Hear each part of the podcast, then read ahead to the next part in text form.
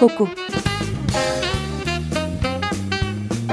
Kokudan gelen ve kokuya giden şeylerin tartışıldığı program.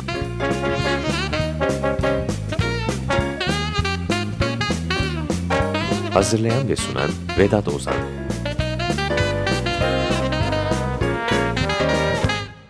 Merhaba ben Vedat Ozan. Bir koku programına daha hoş geldiniz. Bugünkü yayınla beraber 52 haftayı geride bırakıp bir yılı tamamlıyor ve 53. haftaya girmiş bulunuyor koku programı. Dinleyerek, yönlendirerek ve yayın destekçisi olarak yapmış olduğunuz katkılar nedeniyle hepinize teşekkür ediyorum programın hazırlayıcısı olarak. Bu bir yılı tamamlama yayınları sırasında geçtiğimiz iki haftada programın destekçileri de hoş bir tesadüf olarak iki dostum Pınar İlkiz ve Murat Özköroğlu oldular.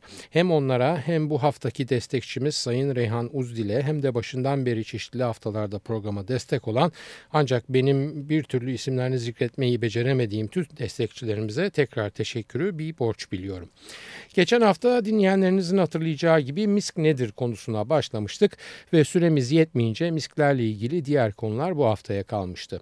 Hatırlamak maksadıyla kısaca üzerinden geçmek gerekirse neler anlatmıştık geçen hafta? Miskin neredeyse kokunun tarihi kadar eski bir kullanımı olduğunu söylemiştik. Moscus mosiferus isimli kendi halinde bir geyik türünün jenital bölgesinden çıkarılan bir kesecikten elde edildiğini söylemiştik. Çok kuvvetli ve kalıcı bir baz notu olduğunu ve hem kendi kokusu hem de sabitleme yani fiksatör olma özelliğiyle koku dünyasının kraliçesi olduğundan bahsetmiştik. Hatta İslam dininde miskin kurumsal marka kimliğinin bir parçası olarak yer aldığına da değinmiştik. Son olarak da tarihten küçük bir aşk hikayesi ekleyerek bitirmiştik ilk yayını. Bu aşk hikayesinde de Napolyon ve Josephine'in birbirlerine olan aşk dolu bağlılıklarını, e, çocuk sahibi olmalarının yani Napolyon'un kendi soyundan Fransa tahtına bir varis üretmesinin imkansız olduğunun anlaşılması üzerine birbirlerine olan aşklarına rağmen boşandıklarını, Josephine'in de bu imkansız aşkı ölümsüzleştirmek adına Malmezon şatosundaki duvarları miskle kokulandırıp aşklarına ilişkin bir referans olarak yıllar sürecek kokulu bir iz bıraktığını belirtmiştik. Ancak bir başka söylenti daha var sarayın duvarlarının mis kokması ile ilgili. Bu diğer söylentiye göre de Aşkının büyüklüğüne rağmen Napolyon zaman zaman çevresindeki başka hanımlarla küçük kaçamaklar yapmaktan hiç geri durmaz. Ve Josephine bu kaçamaklardan fark ettikleri olduğunda yatak odalarının duvarlarını kendisi hafif kokular seven, kadınlarda da en fazla menekşe kokusuna tahammül edebilen Napolyon'un dayanamayacağı kuvvete bir koku olan miskle sildirir ve intikamını da böyle alırmış derler.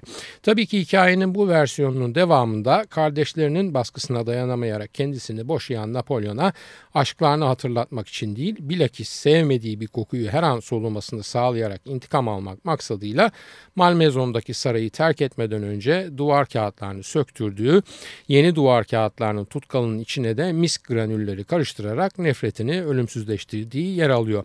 Hangi versiyonun doğru olduğunu ben bilemiyorum çünkü tarihçi değilim ama hangisi olursa olsun bu küçük tarihi hikayenin içinde e, yer alan misk ve misk kokusu ögesinin o kokunun kuvvet ve kalıcılığını iddiasının altını bir kez daha çizmiş olduğuna inanıyorum. Evet e, misk çok kuvvetli bir madde. İki özelliği var ve bu iki özelliği birbirine paralel olarak mevcut. Hem kendisi seyreltildiğinde çok hoş bir kokuya sahip hem de kendi kokusundan gayri diğer koku moleküllerini de sabitliyor. Kokusal anlamda algımızda herhangi bir belirgin misk notası barındırmayan parfümlerde bile kokusunun hissedilemeyeceği ancak sabitleyici yani fiksatör görevini yerine getirecek kadar miskin var olduğu bir gerçek. En pahalı Fransız florallerinden en basit lise ortaokul parfümlerine e, sabunlarınız, sabun tozlarınız, şampuanlarınız, banyo köpükleriniz, böcek kovucularınız, bazı yiyecek ve içecekleriniz, çikletiniz ve hatta diş macununuzun içinde bile misk mevcut. Bu yüzden zaten koku dünyasının imparatoriçesi ismini alıyor misk. Peki doğa Doğal yolla misk edinmek geçen hafta incelediğimiz gibi bu kadar vahşi bir şeyse e, nasıl oluyor da biz hala içinde misk barındıran ürünler kullanmaya devam edebiliyoruz? Aslında ben endüstrinin bu vahşet ögesine pek takıldığına inanmıyorum. Yani kamuoyundaki imaj gibi endişeler olmasa nasıl Yunus ve balina katliamı kapalı kapılar ardında devam ediyorsa veya yağmur ormanları sorunu bir türlü sonlanamıyorsa bizler de hala doğal misk içeren ürünler kullanmaya devam ederdik. Ancak bir başka sorun daha var ki bu endüstriyi direkt olarak ilgilendiriyor. Çok fazla misk geyiği avlanması sebebiyle bu doğal hayvansal kaynak zaman içinde azalmış ve ekonomik bir gerçek olarak arzı azalan ancak talebi sabit kalan veya artan mal el yakacak kadar pahalı bir hale gelmiş durumda. Bu çıkmaz sokağın başı görününce tabii hemen alternatif arayışlar başlıyor. Önce doğadaki diğer kaynaklara el atılıyor. Acaba miske benzeyen başka koku molekülleri içeren başka hayvan veya bitkiler var mı diye. Benzerleri var. Yani mesela muskrat denen bir sürüngende, Bizura lobata denilen bir tür ördekte veya Orta Amerika'dan bir timsah familyasında hayvansal olarak e, ambret tohumu veya Angelica arcangelica hatta galbonum yani kasnı gibi bazı bitkilerde de tabii bitkisel olarak misk benzeri koku moleküllerine veya miske karakterini veren muskon molekülüne benzer koku profili olan başka moleküler yapılara rastlanıyor. Hayvansal alternatif kaynaklarda koku molekülleri keton, bitkisel olanlarda ise lakton olarak bulunuyor. Ancak bunların hepsi sadece benzer olmakla kalıp asla gerçek doğal mis kokusunun aynısını sağlayamıyor. Hani benzerini sağlasa ve biz de bunu yesek bile esas sorun olan ham maddeyi bol ve ucuz temin etme ihtiyacını karşılamıyor. 1880'lerde kısmen sentetik diyebileceğimiz bir türev bile denenmiş. Yani bir ölçü amber yağına 3 ölçü nitrik asit eklenerek e, hafif kafirumsu bir kokusu olmakla beraber bir sonuç elde edilmiş. Ancak o da yeterince ucuz ve kullanıma uygun olmaktan bu anlamda uzak. 1887 yılına geliyoruz. Kimya endüstrisine tam gaz yol verilmiş ve her türlü deney ticari sonuçlarının mükemmelliğiyle beslenerek sürüp gitmekte hayatın her alanında. Albert Bauer isimli bir kimyager laboratuvarında trinitrotoluen üzerine çalışıyor ve amacı patlayıcı türevleri geliştirmek. Trinitrotoluen bizim TNT veya hani halk arasında daha amiyane bir tabirle dinamit diye bildiğimiz patlayıcı ve 3 nitro grubunun eklemlendiği bir toluen molekülünden ibaret. Neden patlayıcıların nitrolara ihtiyacı var? Çünkü bir şeyin yanıcı olması için oksijenle bir araya gelmesi lazım.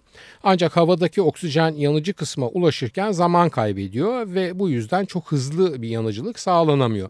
Bunun için nitro gruplarında olduğu gibi oksijen molekülün içine gömülüyor ve ısıtılarak tetiklendiğinde inanılmaz bir süratle yanıcılık özelliğini açığa çıkartıyor. Oksijenle karbon atom yakıtının oranlarının tam arzulanan dengede olması lazım ki elinizdeki malzemede hem yansın hem de gümbür gümbür patlasın. Bu şirin konuyla uğraşırken Albert Bauer denemelerinden birinde TNT'ye yani trinitrotoluene 4 karbon atomu ekliyor. Sonuç hüsran. Patlayıcı olarak hiçbir işe yaramayan bir deney oluyor bu trinitrotoluene 4 karbon atomu ilavesi. Ancak ilginç bir başka şey oluyor. Albert Bauer bu deneyin başarısızlığıyla hüzünlenirken laboratuvarını temiz, hoş ve güçlü bir kokunun sarmış olduğunu fark ediyor. Akşam eve gidiyor, sabah tekrar geliyor. Hem laboratuvarındaki hem de eline sinmiş olan bu güzel kokunun kuvvetinden hiçbir şey kaybetmeden sürmekte olduğunu görüyor. Hani bahsetmiştim ya amber yağına nitrik asit eklenerek yapılmış ancak ticari verimi olmayan bir çalışma vardı diye. O çalışmada elde edilen kokunun daha güzeli ve elbette daha güçlüsü üstelik çok daha ucuza çıkmış oluyor patlayıcı geliştirme çalışmaları sırasında.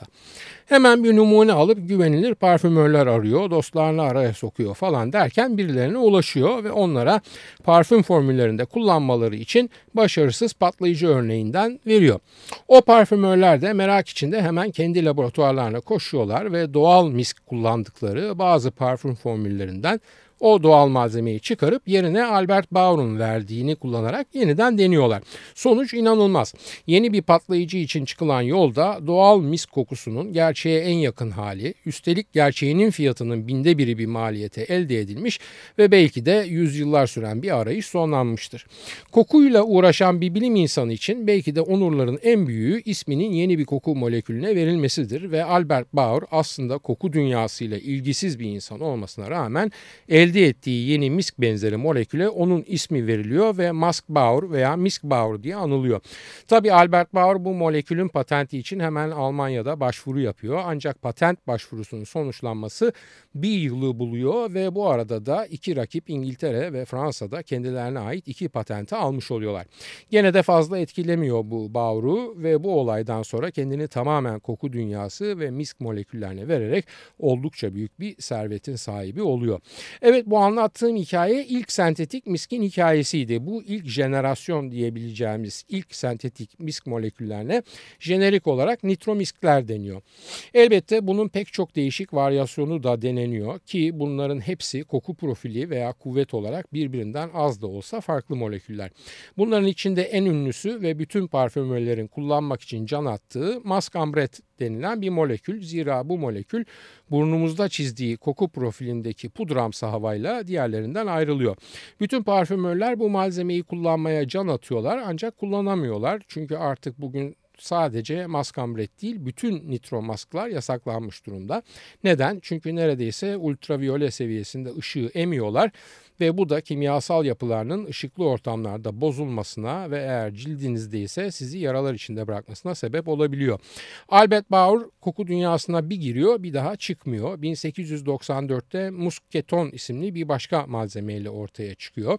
Bu kez elindeki malzeme doğal misk kokusuna ilkinden de daha yakın. Diğer nitromasklar yani musk silol, e, musk ambret, mosken gibi o da sıcak ve pudramsı bir hava taşıyor ve hem amber hem de hayvansal kokuları çağrıştırıyor.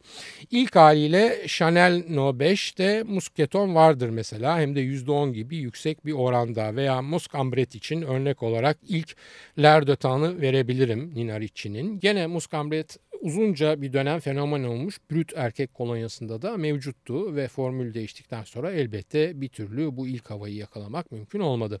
Kısa bir kahve ve müzik arası veriyoruz. Katie Melua'dan dinliyoruz Dirty Dice. Got an angel one shoulder and a devil on the other, and it's his good advice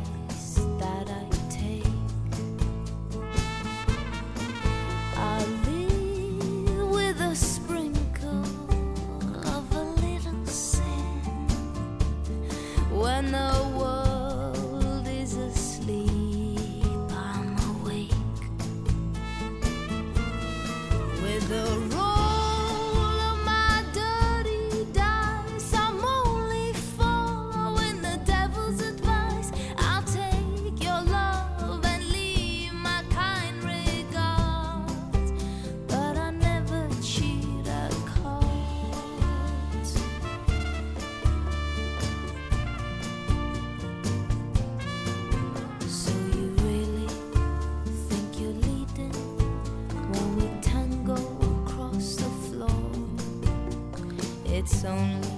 was my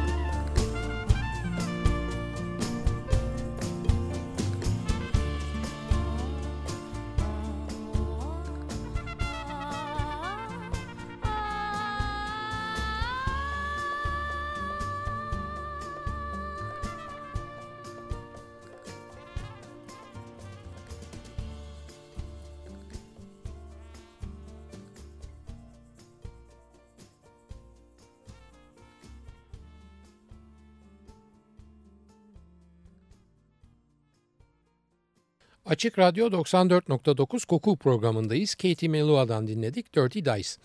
1980'lerde nitro masklar artık tamamen kullanılmaz hale geliyorlar. Zira dünya artık eski dünya değil. Yeni farkındalıklarla insanlar dünyanın yaşanır bir yer olmaktan çıkmasının önüne geçmeye çalışıyorlar ve bu yüzden hem kendileri hem de üretim süreçleri doğaya dost olmayan nitromasklar yerine bu kez yeni bir sentetik misk jenerasyonu olan polycyclic miskler geçiyor. Bu sentetik misk jenerasyonunun ömrü de çok uzun olmuyor ve yerlerini bu kez üçüncü jenerasyona yani microcyclic masklara bırakıyorlar. İlk iki jenerasyon sentetik miskin bir başka özelliği de hem iyi hem kötü kokuyu barındırmaları. Şunu demek istiyorum yani kendileri hoş kokuyorlar ama insana olan etkilerinden hiç hoş kokular gelmiyor. Ucuz olmaları ile birlikte parfümler dışında neredeyse bütün temizlik ürünlerde ve kozmetik preparatlarda o kadar saldırganca kullanılıyorlar ki sonunda doğa bile o kullanımı hazmedemez hale geliyor. Bu kadar azgın kullanılma sebepleri de elbette başta çok ucuz olmaları ayrıca da hem hoş kokmaları hem de o temizlik malzemesi veya kozmetik preparatların temel kokusu diyebileceğimiz doğal kokularını maskeleyebilme özellikleri. Bilirseniz koku molekülleri işlevsel ürünler içinde sadece kendi kokularını vermeleri amacıyla değil, aynı zamanda ürünün temel kokusu eğer hoş olmayan ve satışı zorlayacak mesela yağlı falan bir kokuysa onu maskelemeleri amacıyla da kullanılırlar. Bunu lütfen unutmayın çünkü çok büyük markaların bile kokusuz veya fragrance free diyerek beyaz önlüklü satış elemanlarına sattırdıkları ürünlerin içinde aslında o ürünlerin hoş olmayan doğal kokularını nötr hale getirmek için gizlenmiş parfümlerin var olduğu gerçeğine sizi götürür bu söylediğim. Parfümsüz veya kokusuz bir kozmetik preparat aslında kokusuzdur ama parfümsüz değildir. E, hanım dinleyicilerimize küçük bir örnek vereyim. Ruj mesela eğer doğal haldeki temel ürün kokusunu nötr hale getiremezseniz yüzünüze yaklaştıramayacağınız kadar kötü kokan bir üründür maalesef ve ruj dışında pek çok losyon ve kozmetik preparat içinde bu söylediğim geçerlidir. Markası e, uyduralım ve diyelim ki poliklinik bile olsa gerçek budur. Yanlış anlamayın lütfen. Ürünün sağlıklı olup olmadığını tartışmıyorum. Sadece farklı bir konsept altında satılabilmesi için kandırılmamıza karşıyım.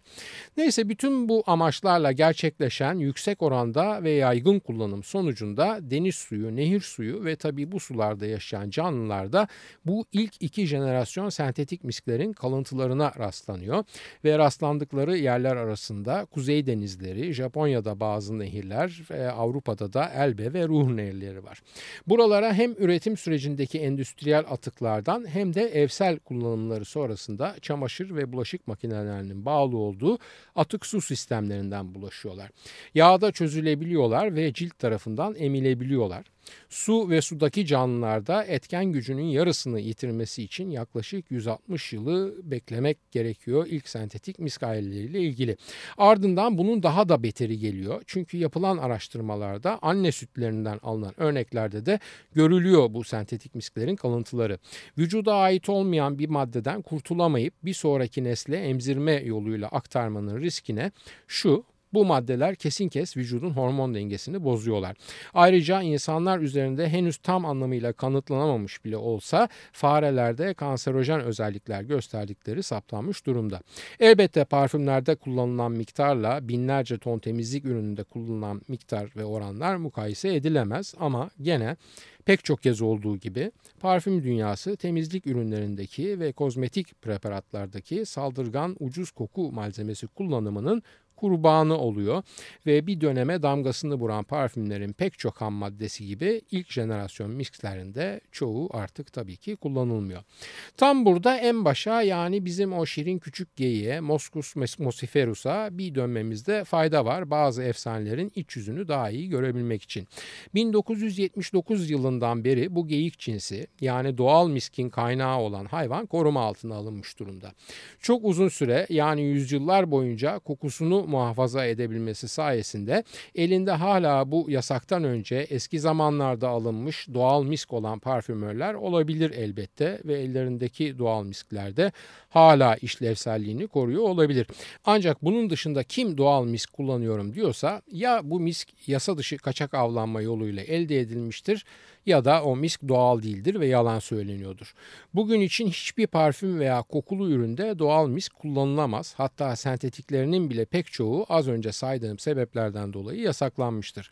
Her ne kadar bazı uluslararası kozmetik mağaza zincirleri kendilerini doğa dostu ilan ediyorlarsa da her ne kadar ürünlerinin doğal olduğu intibanı vermeye çalışıyorlarsa da hatta sattıkları parfümlere white mask, beyaz misk falan gibi masum isimler veriyorlarsa da bu ürünlerin hepsi aslında laboratuvar ortamında elde edilmiş misk benzeri yapay moleküllerden oluşur ve siz de sadece çok da dürüst olmayan bir pazarlama çabasının kurbanısınızdır. Aslında vücudunuz ve cildinizle ilgili ürünler satan ve çevre dostu imajlı bu mağaza zincirinin ki burada adını söylemek istemiyorum başlı başına bir program konusu olmayı hak edecek kadar vukuatı var. İleride bir gün inşallah vakit bulur onu da ele alırız. Efendim Efendim White Mask ismi aslında bir grup sentetik misk molekülüne verilen şemsiye bir isim olmaktan başka bir şey değildir. Şimdi dilerseniz çok kısa olarak size referans olması için tek tek bu sentetik misk moleküllerine ve kullanımlarına hızlıca bakalım günümüzden örneklerle. Beyaz misk şemsiyesi altında yapay misk ailesinden en meşhur yapay misk molekülü galaksolid ismi verilen e, bu isimle satılan ve IFF yani International Flavors and Fragrances isimli aroma kimyasalı devine ait olan misk molekülü. Kokusuyla meşhur ve ismini söylememe gerek bile olmayan çamaşır yumuşatıcılarının kokusunda bol miktarda hatta daha net olması için yüzde vereyim yüzde kırka varan oranlarda bulunur. Bu ürünün içinde yer alması aslında bu moleküle temiz etiketinin yapışmasına da sebep olmuş denilebilir. Body Shop'un White Mask Beyaz Misk isimli doğal görünümlü tamamen sentetik misk parfümünde %7.7 oranında mevcut. Temiz hafif çiçeksi ve çok az da pudramsı bir kokusu var. Bunlar dışında Lancome'un Tresor'unda %21.4, Estee Lauder'ın White Linen'ın da %20, Ralph Lauren'ın Ralph isimli parfümünde de %13 oranında Galaxolid mevcut. Bir diğer sentetik meşhur e, misk molekülü de ticari olarak Habanolit ismiyle bilinir. Bu molekülün kokusu biraz daha metalimsidir. Net bir örneğini Emporio Armani White for Her isimli parfümde görebiliriz. Bu parfümün içinde parfümör Albert Alberto Morillas tarafından muhtelif sentetik misk moleküllerinin birlikteliğinden oluşan ve parfüme hafif bir transparanlık, şeffaflık kazandıran bir akor kullanılmıştır ve bu akorda parfüm dünyasında beyaz misk akoru olarak bilinir. Peki neden sadece habanolidi kullanmamış da ondan gayri birkaç misk molekülü daha kullanarak bir akor yapmış parfümör Alberto Morillas? Efendim miskler hem güzel kokarlar hem de sabitleyiciler ya aynı zamanda sabitleyiciliklerine bağlı olarak daha önce de dediğimiz gibi yıllar süren bir kalıcılığa sahipler. Bu ne demektir? Bu moleküler büyüklüklerinin fazla olması demektir. Bu fazlalık bazen öyle oluyor oluyor ki moleküler büyüklüklerini bizim burnumuzdaki reseptörler karşılamakta zorlanıyorlar. Böyle olunca da onların kokusunu burnumuzun dibinde olmalarına rağmen alamıyoruz. İlk örnekte verdiğim galaksolit mesela bunun en çok yaşandığı moleküllerden biri. Her 5 insandan biri bu molekülün kokusunu algılayamıyor. Bunu da en iyi parfümörler biliyorlar. Çünkü onlar da bizim gibi insan ve bizden çok daha fazla kokularla haşır neşirler. Ve böylece anozmik koku alamama durumunu bizden çok daha fazla yaşıyorlar yaşıyorlar. Bu nedenle durumdan vazife çıkararak parfümlere misk kokusunu gömerken birden fazla misk molekülünden oluşan bir akör kullanıyorlar ki birini kaçıran diğerinin kokusunu alabilsin. Bu akorların içindeki misk molekülü çeşidi bazen 5 veya hatta daha fazla bile olabiliyor. Olur ha bunların hiçbirinin kokusunu alamayan varsa o da tabii sizin aldığınızdan tamamen farklı bir koku alıyor aynı parfümün şişesinden. Alberto Morillas'ın meşhur ettiği beyaz misk akoru içinde bol habanolitle beraber aldehidik bir yapı içinde Jennifer Lopez'in J-Lo Glow isimli parfümünde de kullanılabiliyor. Bir ipucu olarak bu tür beyaz misk akorlarını size tanıtabilecek en belirgin özellik dipten dipten yeni ütülenmiş temiz çamaşır kokusunu çağrıştırmalarıdır da diyebilirim. Gene bu akordur ki Christian Dior'un Hypnotic Poison isimli parfümüne de seçkin, hafif gurman ve coşkulu bir hava verir. Şimdiye kadar anlattıkların içinde şöyle uzağa çekilip baktığım zaman bir şey benim dikkatimi çekiyor. O da özellikle son dönemlerde sabun veya deterjan gibi neredeyse tüm temizlik içeren ürünlerde aslında hayvansal bir koku olan miskin kullanılmış olması. Yani tarihin başlarında daha mistik, daha ağır, daha hayvansı hatta erotik ve muzur olarak adlandırılabilen bir koku kaynağının ki buna sinestezik bir tanımla siyah bir koku diyelim müsaadenizle. Endüstrinin ve pazarlamanın o maddeyi kullanılabilir ve kar edilebilir bir ucuzlukta elde etmesinden itibaren algımızda temiz bir koku olarak evrilmesi ve gene sinestezik bir tanımla beyaz bir kokuya dönüşmesi. Miskin sentetik olarak ucuz ve bol üretilmesinden önce zaten tek temizlik ürünü neredeyse sabunlar ve onlarda da o dönemlerin en uygun maliyetli kokuları yani lavanta vesaire kullanılıyor. Gittikçe artan bir kuvvetle kültürel normlarımızın endüstri tarafından belirlenmekte ve şekillendirilmekte olduğuna dair kuvvetli bir gösterge olarak görüyorum ben bu durumu ve sizin huzurunuzda da altını bir kez daha çizmek istiyorum. Efendim parfüm pazarlayan şirketler parfümlerinin kokusunu tanımlarken size doğanın kullandığı dilden hitap ederler. Misk derler, sandal ağacı derler, yasemin derler, menekşe derler veya badem derler. E, temiz derler, enerjik derler, aşk derler, şehvet derler ama o size satılmaya çalışılan kokunun mutfağına girdiğinizde romantik ve doğa referanslı kelimelerin yerini dimetilsülfit, aldehit, fenol, salisilat, lakton, keton, boran, toluen gibi kelimelerin almış olduğunu görürsünüz. Çünkü o romantik kelimenin içeriği aslında havada uçuşan bu moleküllerle anlam kazanır. Parfümler kelimelerin ötesinde şeyler ifade ederler. Aynı dinlediğiniz müzik veya dokunduğunuz ten gibi. Bu ifadelerin içinde perdenin altında direkt ve net olarak fizik, kimya ve biyoloji yer alır. Çünkü kokuya ilişkin hayali kurgulayabilmeniz için o koku moleküllerinin belirli bir uyum içinde burnunuzun üst kısmındaki alıcılarca kabul edilmesi gerekir. Bu fiziksel başlangıç aynı zamanda sizin psikolojik algınızın da başlangıç ateşini yakar ve hayallerinize yol göstererek kapıları açar. Sert bilimsel gerçekle yumuşak hayallerin tam ortasında bir yerde ayağa kaymadan durmaya çalışarak haftaya bir başka kokuda buluşmak üzere hepinize iyi günler diliyorum. Soru, öneri ve eleştirileriniz için e-posta adresimizi hatırlatıyorum. kokuprogrami.yahoo.com Bugünkü konumuza ilişkin görselleri her zaman olduğu gibi günün ilerleyen saatlerinden itibaren facebook.com Taksim Vedat Ozan Koku adresinde görebilirsiniz. Ben Vedat Ozan, radyonuz kokusuz kalmasın sevgilerimle.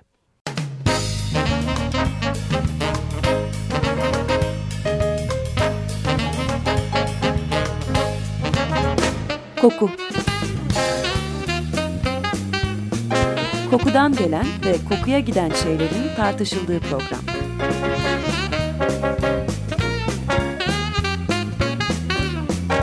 Hazırlayan ve sunan Vedat Ozan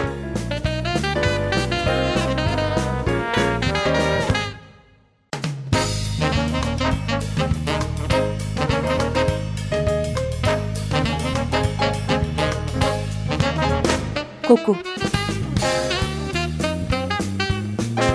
Kokudan gelen ve kokuya giden şeylerin tartışıldığı program.